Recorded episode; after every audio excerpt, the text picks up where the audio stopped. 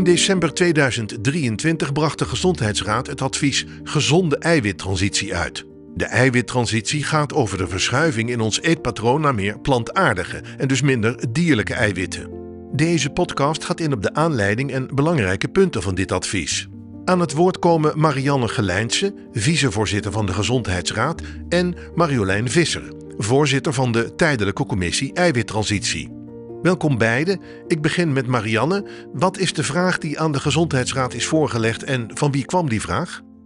Nou, met dat laatste te beginnen. Die vraag kwam van het ministerie van LNV uh, en ook van uh, VWS. Ja, de vraag ging erom, we weten dat uh, we moeten gaan verschuiven naar een meer plantaardig voedingspatroon voor de gezondheid. Daar heeft de Gezondheidsraad al eerder over geadviseerd. We weten ook uit allerlei onderzoek dat het goed is voor het milieu. En de vraag die tot ons kwam is van wat betekent dat nou als we van de huidige verhouding dierlijke plantaardige eiwitten, die is 60-40, dat omklappen naar een verhouding van 40-60. Dus ten gunste van de plantaardige eiwitten. Wat betekent dat voor de gezondheid en wat betekent dat voor het milieu? Dan waarom is überhaupt een eiwittransitie nodig? Ja, ons voedselsysteem uh, heeft een belangrijke impact uh, op het milieu.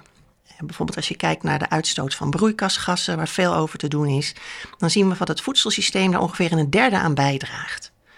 Um, dus veranderingen in dat voedselsysteem zijn nodig. Die veranderingen zijn nodig om ervoor te zorgen dat in de toekomst iedereen op deze aardbol genoeg te eten heeft en genoeg gezond eten heeft. Dus we maken ons zorgen over toekomstige generaties en de gezondheid van toekomstige generaties. Dan naar het advies. Wat is het advies dat gegeven is? Kijk, wij hebben met een commissie van allerlei deskundigen uh, goed gekeken naar uh, de wetenschap die er is. Uh, zowel op het gebied van gezondheid en duurzaamheid. En de Gezondheidsraad denkt dat het heel goed mogelijk is om die verschuiving naar plantaardige eiwitbronnen te maken. Hè, zodat die 60% deel gaan uitmaken van het voedingspatroon zonder dat er grote gezondheidsproblemen gaan ontstaan in de bevolking. En het doet dan ook iets goeds voor het milieu, dat hebben we ook uitgerekend. er gaan echt uh, minder uh, CO2 uh, wordt er uitgestoten en er wordt minder land eh, gebruikt voor voedselproductie. Dus alles bij elkaar is het toch een, een gunstige verschuiving. en dat hebben we aan het beleid geadviseerd. Wat is de gezondheidswinst bij de transitie naar meer plantaardige eiwitten, Marjolein? Wanneer je een verschuiving maakt naar plantaardige eiwitten, betekent natuurlijk dat eiwitten verschuiven. Maar het heeft allerlei consequenties voor de dingen die je gaat eten. Uh, voor de voedingsstoffen die je binnenkrijgt en voor de voedingsmiddelen, de keuze van voedingsmiddelen die je maakt. Um, en we zien wanneer mensen meer plantaardig gaan eten, uh, dan zie je bijvoorbeeld dat er meer volkoren granen gegeten gaat worden, meer fruit en groenten, meer noten en peulvruchten. En dat zijn nu net allemaal plantaardige voedingsmiddelen waarvan we weten dat die goed zijn voor de gezondheid. En ze dragen bij aan verlagen van het risico op hart- en vaatziekten en diabetes en kanker. Uh, ook zien we dat bij een eiwitverschuiving je bepaalde producten minder moet gaan eten. Uh, zoals bijvoorbeeld rood vlees en bewerkt vlees. En dat zijn nu juist weer voedingsmiddelen waarvan we weten dat die risicoverhogend zijn op bepaalde aandoeningen. Dus wanneer we daar minder van eten, betekent het ook weer betere gezondheid. Nou heb je eiwitten ook nodig voor je botten en spieren, heb ik altijd op school geleerd. Wat gebeurt er als je minder eiwitten binnenkrijgt? Nou, bij de transitie van uh, 60-40 naar 40-60 um, zie je over het algemeen dat als mensen meer plantaardig gaat eten, dat de hoeveelheid eiwit die ze met de voeding binnenkrijgen wat afneemt.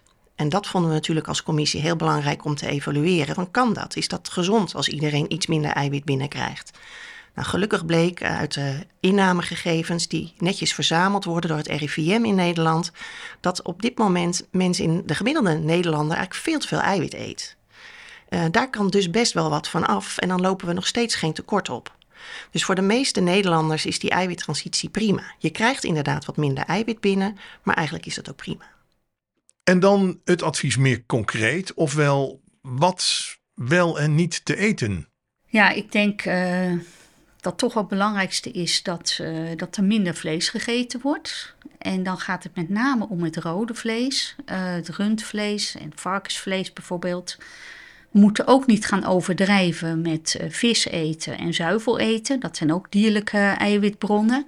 houd je gewoon aan de richtlijnen zoals die er nu, nu zijn. Eén keer vis per week, enkele porties zuivel per dag, maar ga niet overdrijven.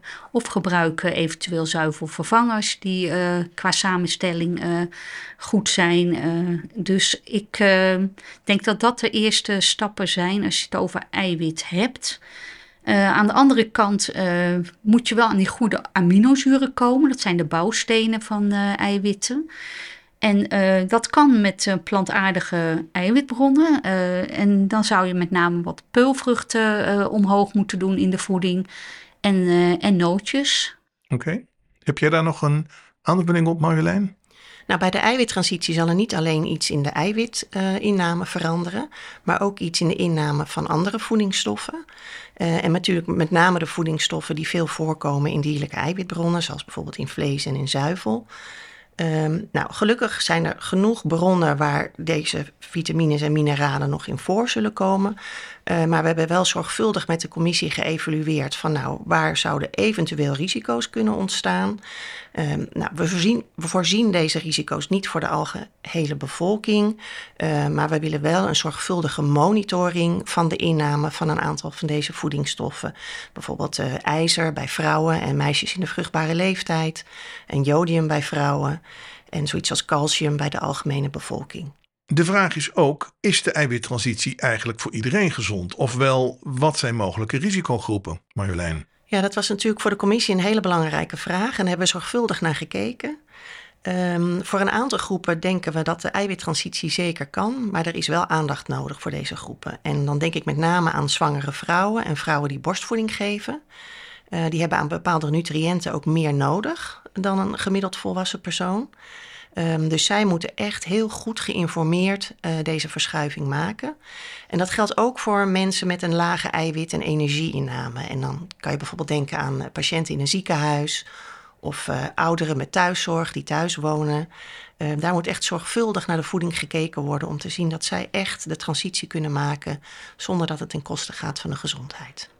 Wat we vroeger adviseerden als gezondheidsraad is dat vegetariërs eigenlijk meer eiwit moesten eten, omdat ze dan toch uh, aan alle juiste aminozuren kwamen. Nou, inmiddels hebben we nieuwe berekeningen uitgevoerd en daar blijkt dat het eigenlijk niet nodig is. Dus de hoeveelheid eiwit die een, uh, iemand zonder vlees moet eten, is nog steeds uh, even groot dan voor de rest van de bevolking. Nou zijn er ook nog de klimaatdoelen van de overheid. Is de eiwittransitie genoeg om die doelen te halen?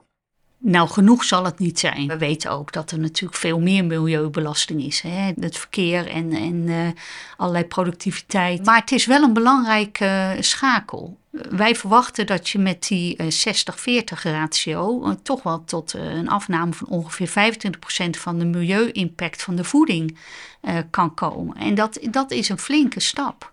Dus ja, ook vanuit de voeding en de voedselproductie wil je bijdragen aan die, aan die doelen.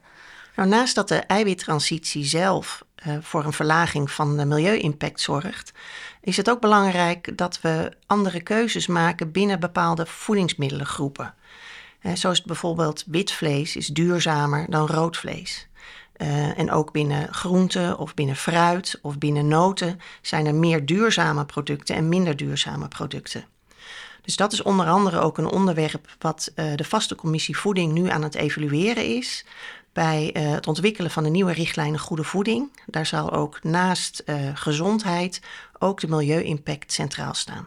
Het gaat dus om andere voedselkeuzes maken. Wat is de verantwoordelijkheid van de consument daarin? Kijk, die consument speelt zeker een hele belangrijke rol. Hè. Uiteindelijk is de consument die kiest in de winkel wat hij in het boodschappenmandje doet, maar ook wat hij in een restaurant kiest om te eten of wat hij thuis klaarmaakt. Uh, dus uh, als een consument minder vlees uh, kiest, zal er uiteindelijk uh, ook minder van geproduceerd worden. Want dan is er minder afname van vlees.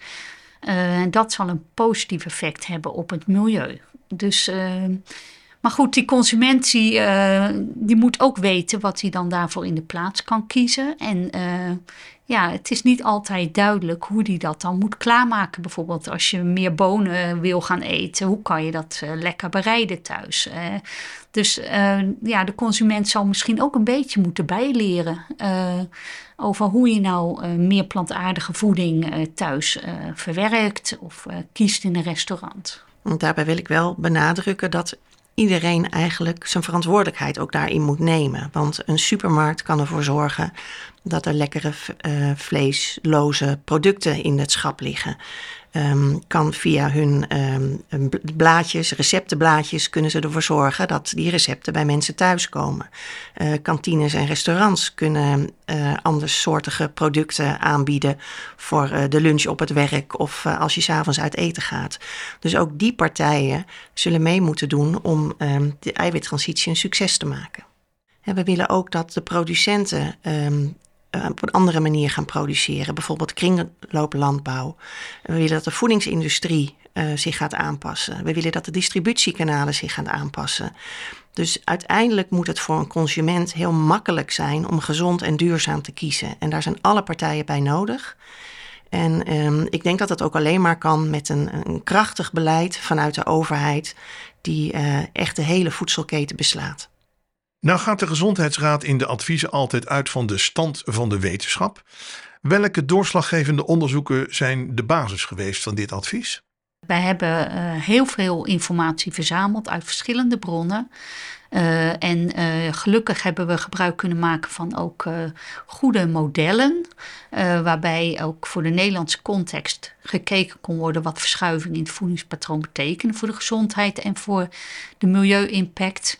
het RIVM heeft heel veel waardevolle data, weten ook wat mensen precies eten, wat dat doet met de milieu-impact. Het is meer dat wij al die puzzelstukjes bij elkaar hebben gebracht daar goed naar hebben gekeken en zo tot een zorgvuldig advies zijn gekomen. Dan een hele Nederlandse vraag, maar toch, wat betekent een 60% plantaardig menu voor de portemonnee, Marjolein? Nou, onze berekeningen geven aan um, dat een dergelijke voeding eigenlijk even duur is als de voeding die we nu consumeren.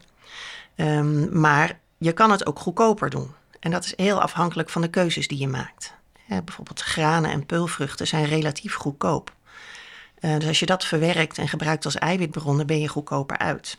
Maar het is natuurlijk wel zo dat je daar kennis voor moet hebben en de vaardigheden voor moet hebben.